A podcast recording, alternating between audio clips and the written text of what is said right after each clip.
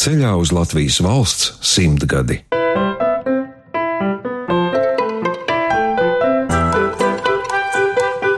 Talantu galerija Radošu personību portreti Latvijas Radio 1. Esmu Igaunijas Nacionālajā muzejā Tartu pastāvīgās ekspozīcijas daļā Urālu atskaņas, vēroju somuguru tautu tradicionālo ikdienas kultūru, viņu sadzīvi, tērpus, arī svētku svinēšanu.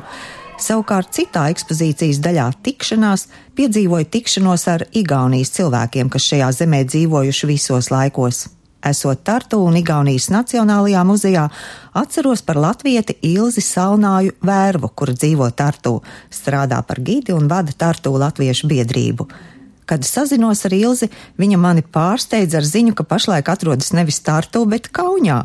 Sācies interesants periods manā dzīvē, tā saka Ilze, un mēs tiekamies, lai uzzinātu, kāpēc Ilze devusies uz Lietuvu un ko tik interesanti tur dara.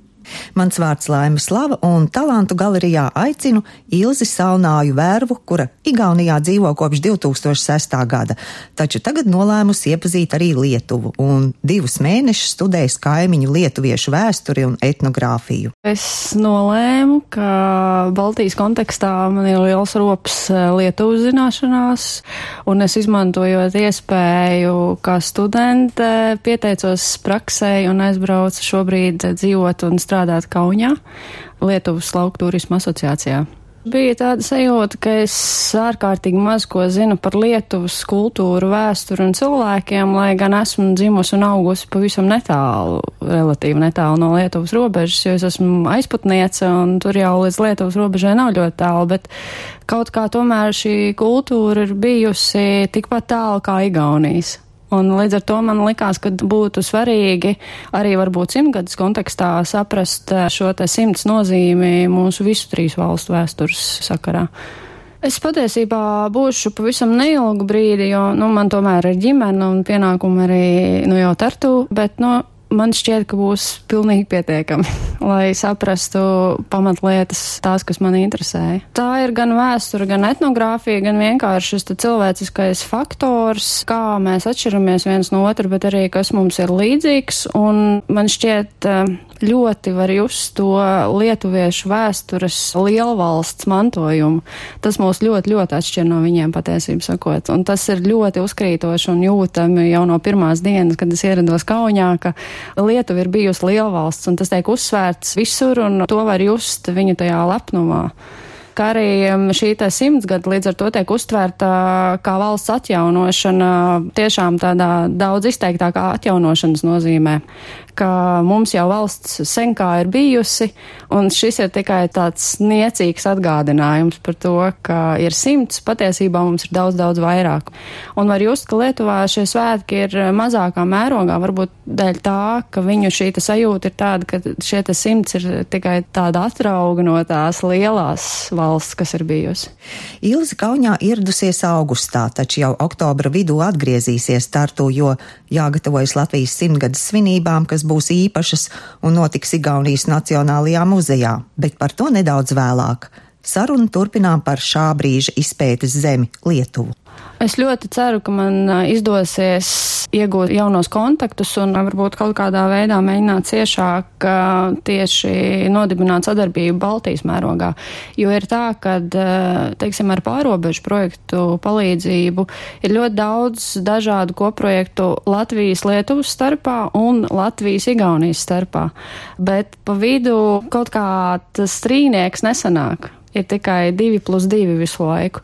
Un uh, Lietuvai līdz Igaunijai tomēr tā sadarbība nenonāk. Un man gribētos, ka ir kaut kā tieši tā Baltijas sadarbība, ne tikai šīs te divi plus divi variants, bet ka mēs tiešām sadarbotos tādā drusku plašākā mērogā un vairāk justu to Baltijas vienotību, nevis tikai atšķirīgo. Vai jūs jau esat ieguvis arī kādus draugus Kaunijā? Jā, es eh, esmu satikusi tādus lietuviešus, kas ir saistīti ar Latviju un kam Latvija liekas interesanta, un viņi arī studē etnogrāfiju un ir ieinteresēti tieši baltu tautu vēstures un etnogrāfijas izpētē, un viņi abi, tas ir pāris viens, viņi abi runā latviski arī, un viņi arī ir bijuši Igaunijā, tā kā viņiem arī šis te Baltijas mērogs liekas aktuāls, un, un tāpēc man bija ļoti interesanti ar viņiem satikties un aprunāties. Es domāju, tie ir īstie jūsu domu biedri. Jā, tieši tā, un tāpēc es biju ļoti priecīga, ka man tā nejauši izdevās ar Facebook palīdzību atrast tādus cilvēkus. Talantu galerija - radošu cilvēku portreti. Tagad dosimies uz startu. Šo pilsētu Ilze sauc par mājām, jo tur mīt arī viņas ģimene. Patiesībā, sakot, dzīvojot Kaunijā, es ļoti skaidri izjūtu to, ka Tartu ir mans mājas jo šis pilsētas mērogs un koka apbūve, kas ir tartu, un zaļā vide, kas ir tartu, man tiešām ik brīdim pietrūkst.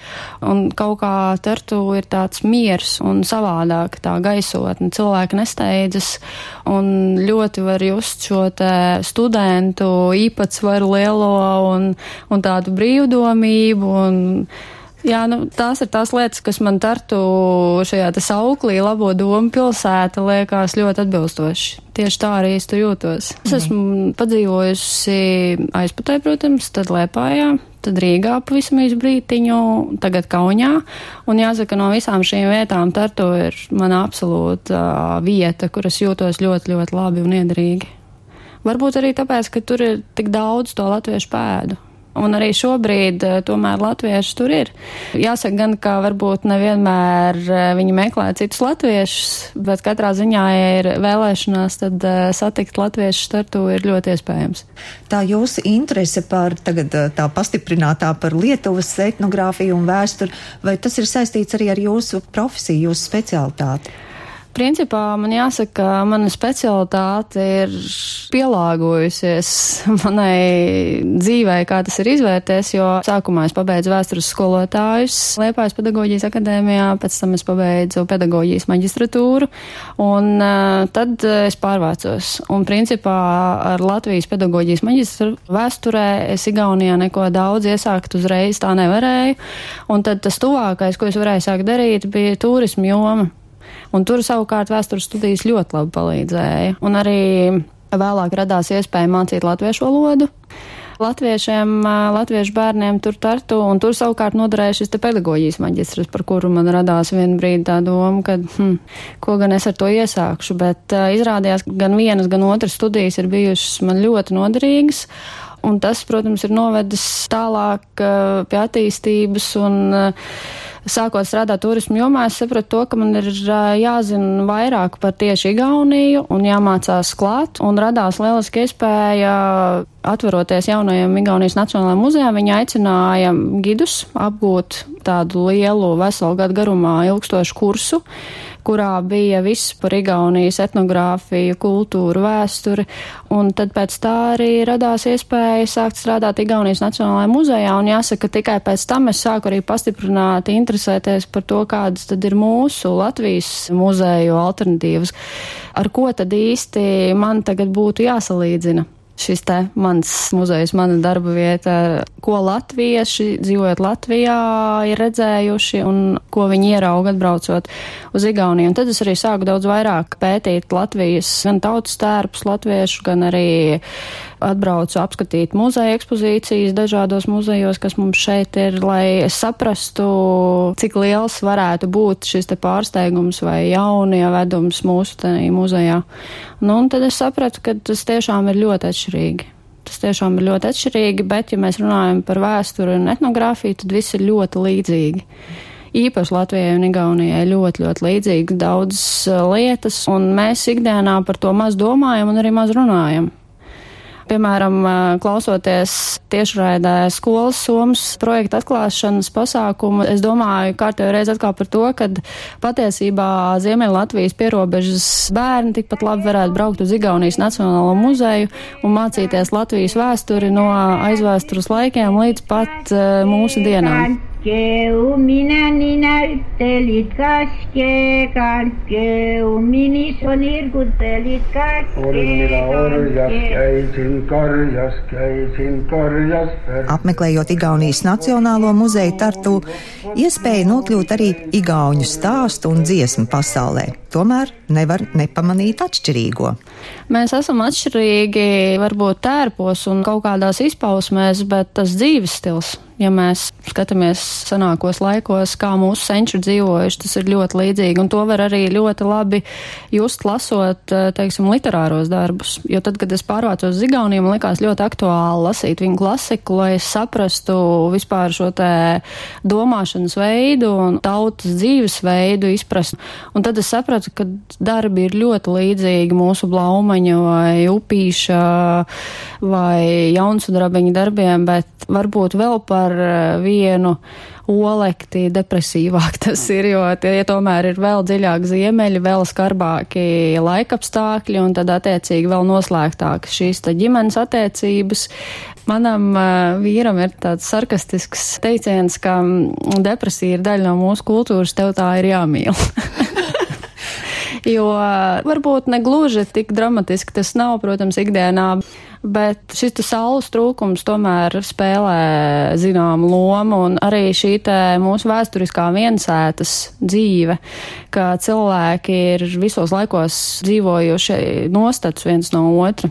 Tad to arī var just joprojām. Pat tad, ja tu dzīvo daudz dzīvokļu mājā, ir pilnīgi iespēja nodzīvot visu savu dzīvi un kaimiņus pazīt tikai sveiciena veidā, bet nekad neaiziet pie viņiem nekādā veidā tuvāk neiepazīties.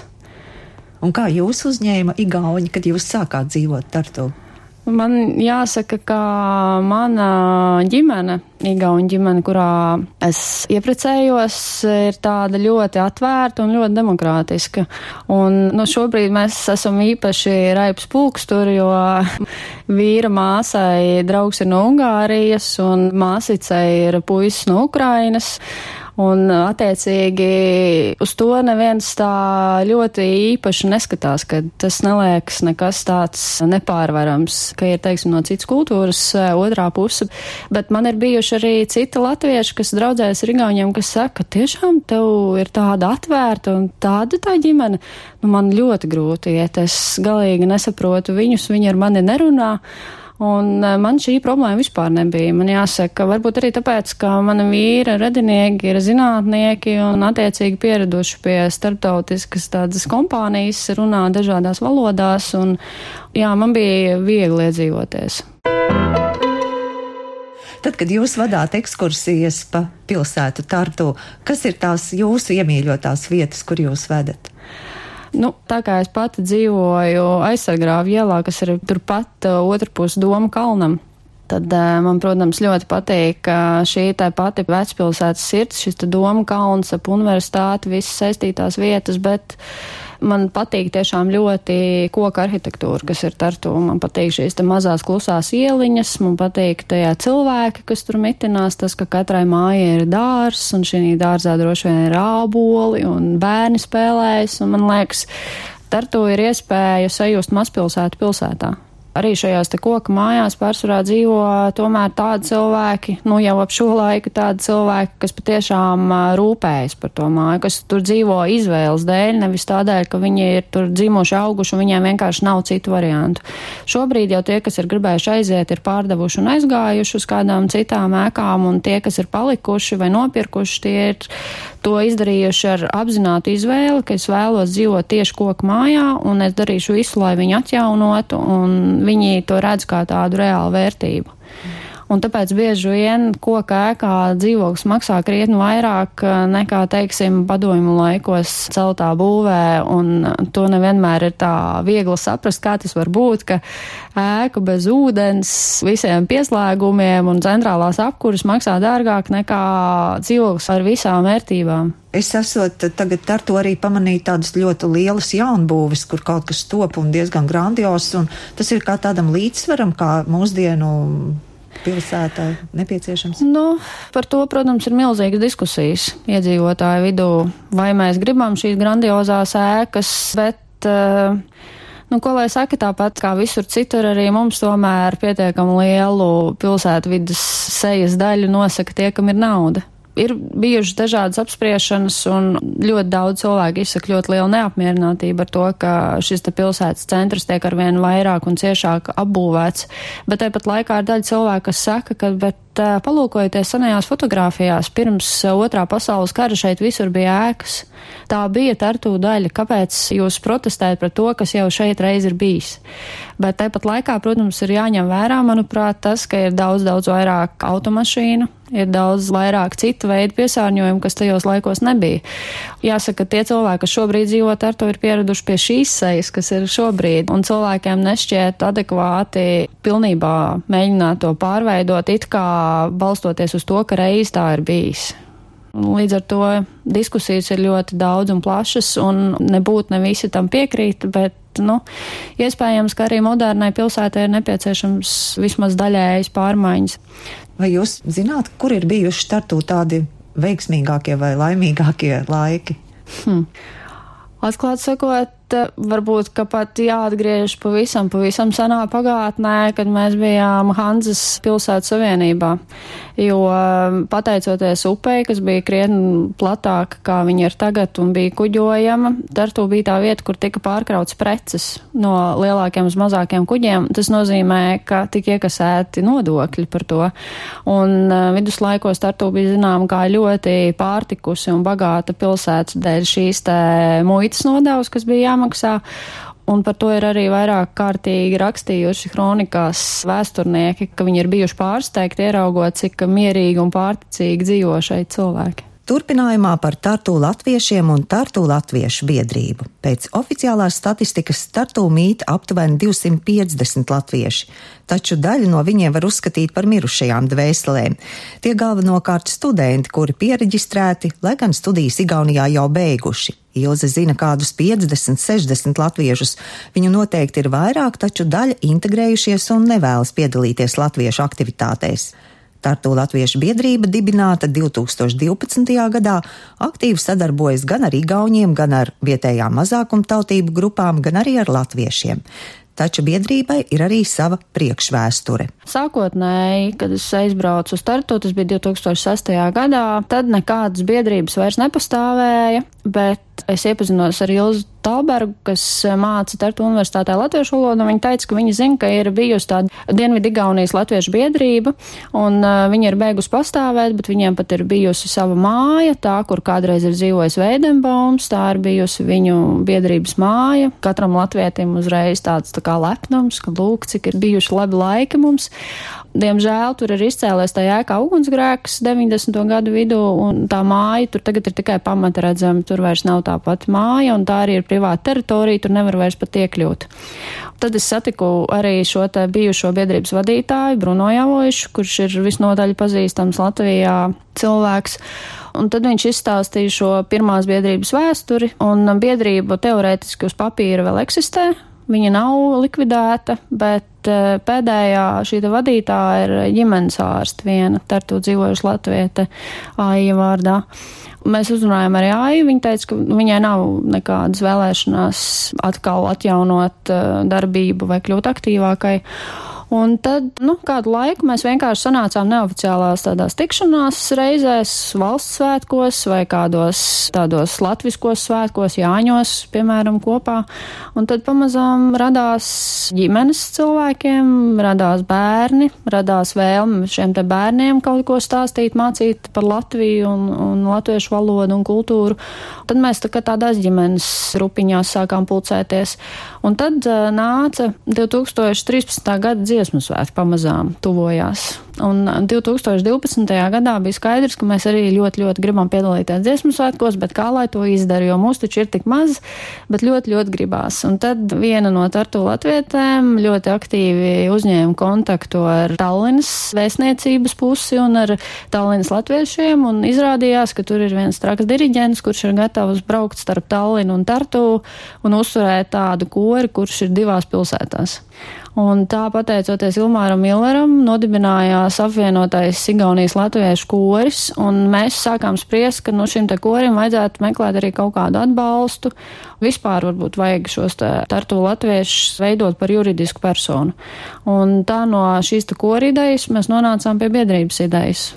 Ilze biedrību vada kopš 2013. gada un min svarīgākos notikumus gada griezumā.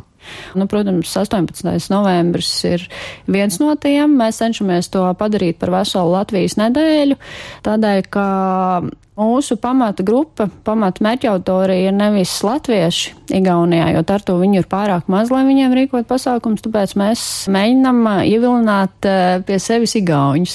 Mēs tiešām esam vairāk uzņēmuši to biedrības kursu kā igauņu informēšanu par to, kas Latvijas kultūrā ir jauns un aizraujošs un interesants, jo reizēm dēļ mūsu ekonomiski politiskajām aktivitātēm ir tāda vīzagunība jūtama. Ir ļoti kaitinoši, ja Igauņi zina par Latviju tikai to, ka tur ir lētāks alkohols kas ir pēdējā gada tāda aktualitāte.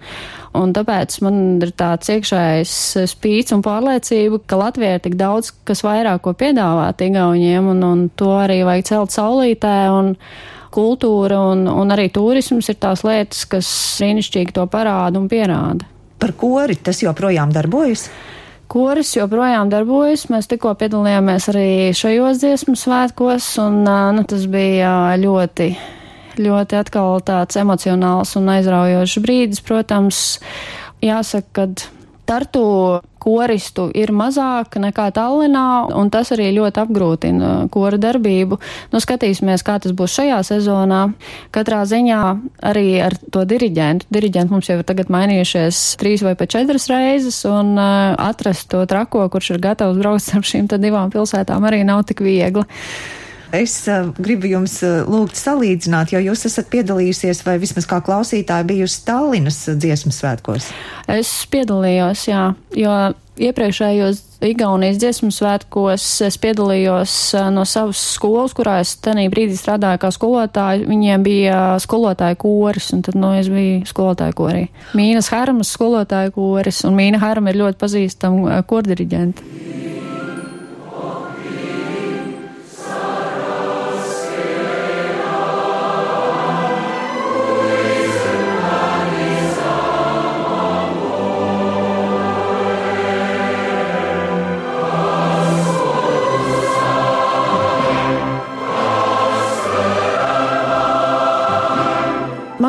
Ka Igauni arī ir ļoti spēcīga kordziedāšanas nācija. Viņi ļoti, ļoti arī uzsver to, ka viņi ir dziedātāja tauta, un reizēm arī par to mums, protams, ir asas diskusijas, kurš ir lielāks un skaļāks dziedātājs. Tādēļ, ka, teiksim, tādā mājas apstākļos, nu, nav tā, ka sanāk Igauņam galdu un sāk dziedāt galda dziesmas. Man šķiet, ka Latvijā tas pat varētu teikt ir izplatītāks, bet nu arī jau iet mazumā jūtami.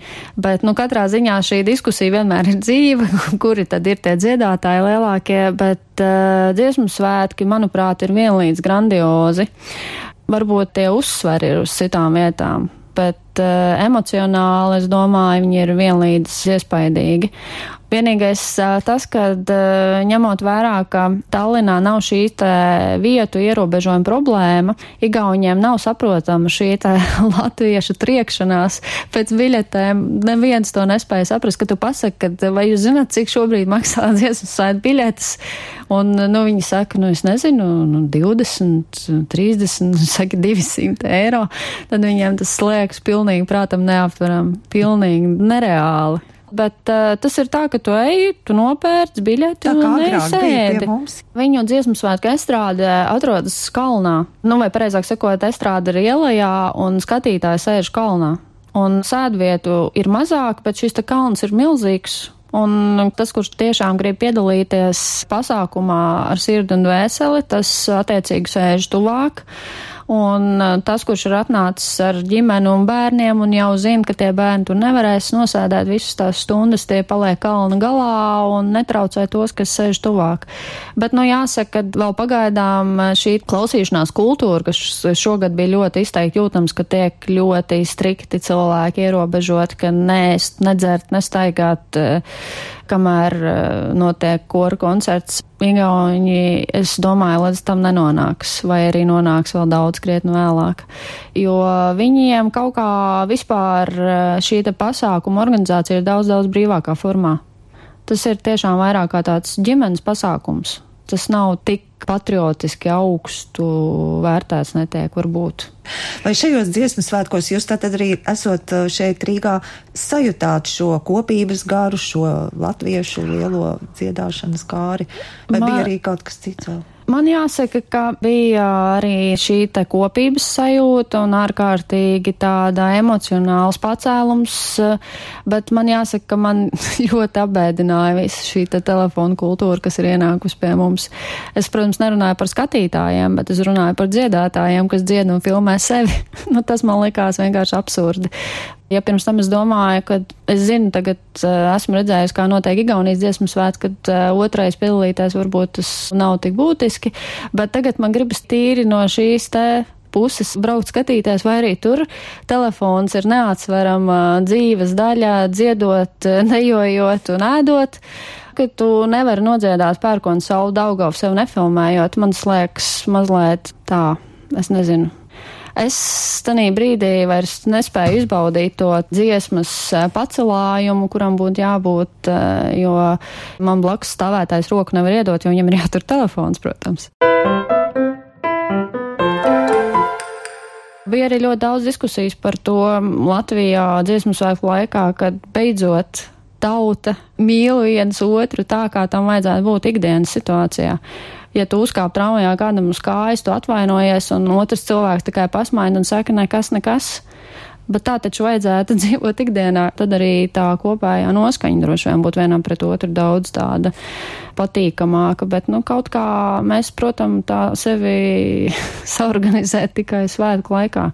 Un man mazliet žēl, ka tā bet Igauni vienkārši neizrāda varbūt tik daudz to emociju arī svētku laikā, nē, bet toties, tad, kad uh, ir nepieciešams, viņi uzreiz spējas organizēties un ļoti novērtē to, ka es esmu Igaunis un tā ir mana Igaunija. Ilze Salnāja Vērva pārliecināta, ka Igauni var arī daudz ko mācīties no mums, piemēram, svētku svinēšanu, un aicina uz Latvijas svinībām Tartu 18. novembrī. Kopumā šo te dziedāšanu, dejošanu, arī zaļumu balvu 11. augustā, manuprāt, bija lieliska ideja. Tad uh, Igaunijā tas iet mazumā.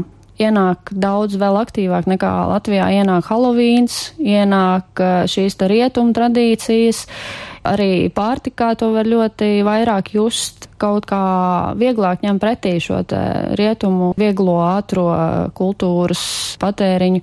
Tāpēc es domāju, ka mūsu 18. novembra un ne tikai 18. novembra, bet visu šīs nedēļas pasākumu varētu būt kaut kas tāds, no kā Igauņi varbūt varētu arī mācīties tā kā es esmu Tartu Latviešu biedrības vadītāja, tad arī jāorganizē mums lielie skaistie svētki, un uh, turklāt šogad tas būs ļoti īpašs, tāpēc, ka vēstniecība rīkos savu pieņemšanu, un grupa Sauļi koncerts būs arī tieši 18. novembrī Igaunijas Nacionālajā muzejā Tartu. Un tas, protams, būs ļoti simboliski arī tāpēc, ka Igaunija pati savu simts sagaidīja Igaunijas Nacionālajā muzejā. Mēs ļoti ceram, ka mums arī izdosies atvest introvertu izstādi, kas, manuprāt, bija arī viens lielisks piemērs tam, cik ļoti labi latvieši var. Un es domāju, ka igauņi un introverti, tas viņiem ir saprotams.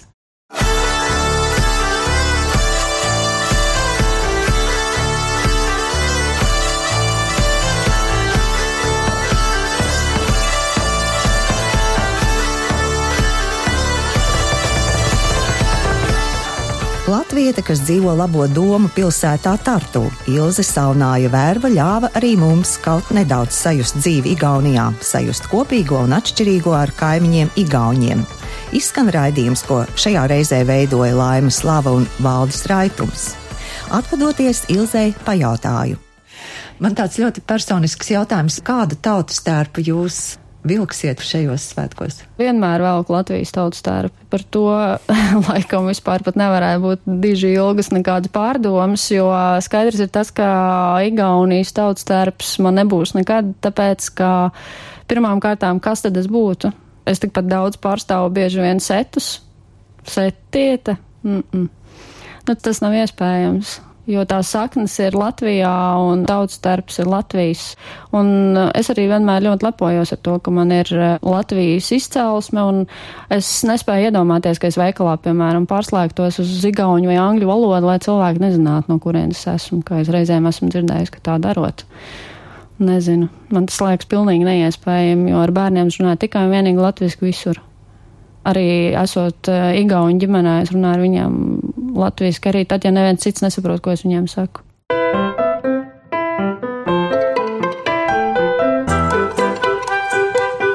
Talantu galerija. Radošu personību portreti Latvijas Radio 1. Izskanēja Latvijas valsts simtgades programmas raidījums.